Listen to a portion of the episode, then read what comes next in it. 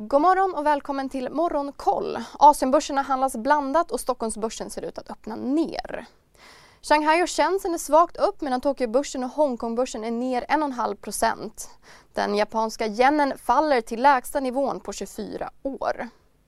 Kinas inköpschefsindex för industrin sjönk mer än väntat till 49,5 i augusti. Japans industri-PMI steg mer än preliminära siffror till 51,5.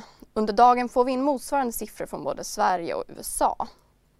Det blev en svängig gårdag på Wall Street där S&P 500 stängde ner nära 1 och tekniktunga Nasdaq sjönk en halv procent. Amerikanska långräntor stiger och den amerikanska tvåårsräntan står i 3,5 procent vilket är den högsta nivån på 14 år.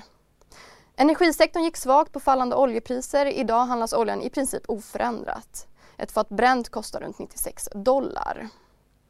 Chipjätten Nvidia backade 6,5% i efterhanden efter nyheten om att amerikanska myndigheter vill begränsa försäljningen av chip i Ryssland och Kina.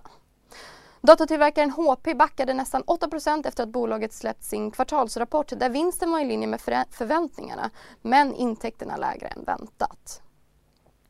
Snap som står bakom sociala appen Snap. Hej, Synoptik här. Så här års är det extra viktigt att du skyddar dina ögon mot solens skadliga strålar. Därför får du just nu 50% på ett par solglasögon i din styrka när du köper glasögon hos oss på Synoptik. Boka tid och läs mer på synoptik.se. Välkommen! Snapchat steg 9% efter beslut att säga upp runt 20% av sin personal. Meme-aktien Bed Bath Beyond rasade med 21 Betaljätten Paypal som har rasat på börsen i år lyfte närmare 2% efter att Bank of America köpstämplat aktien.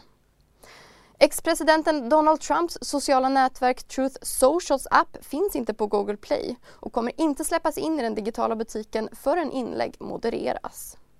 Så ska vi till Sverige där Ilja Batljans investmentbolag som är huvudägare i fastighetsbolaget SBB har släppt sin kvartalsredovisning. I rapporten framgår att bolaget säkrat nya lånelöften på en halv miljard kronor. Riskkapitalbolaget EQT vill ta in omkring 214 miljarder kronor till en ny infrastrukturfond.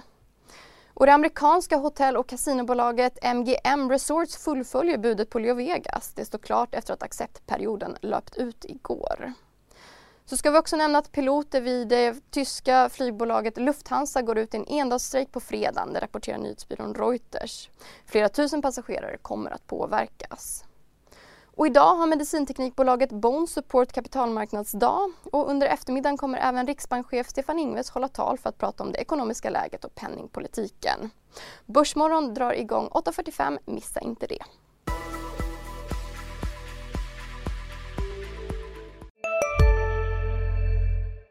CSRD.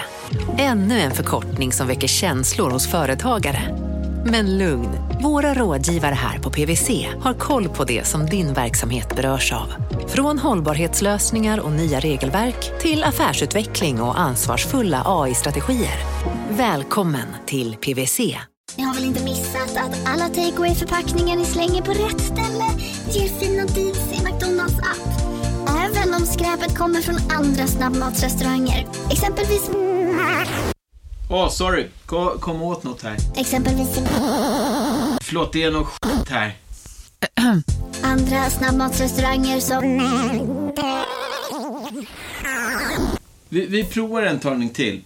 La, la, la, la, la. La, la, la, la.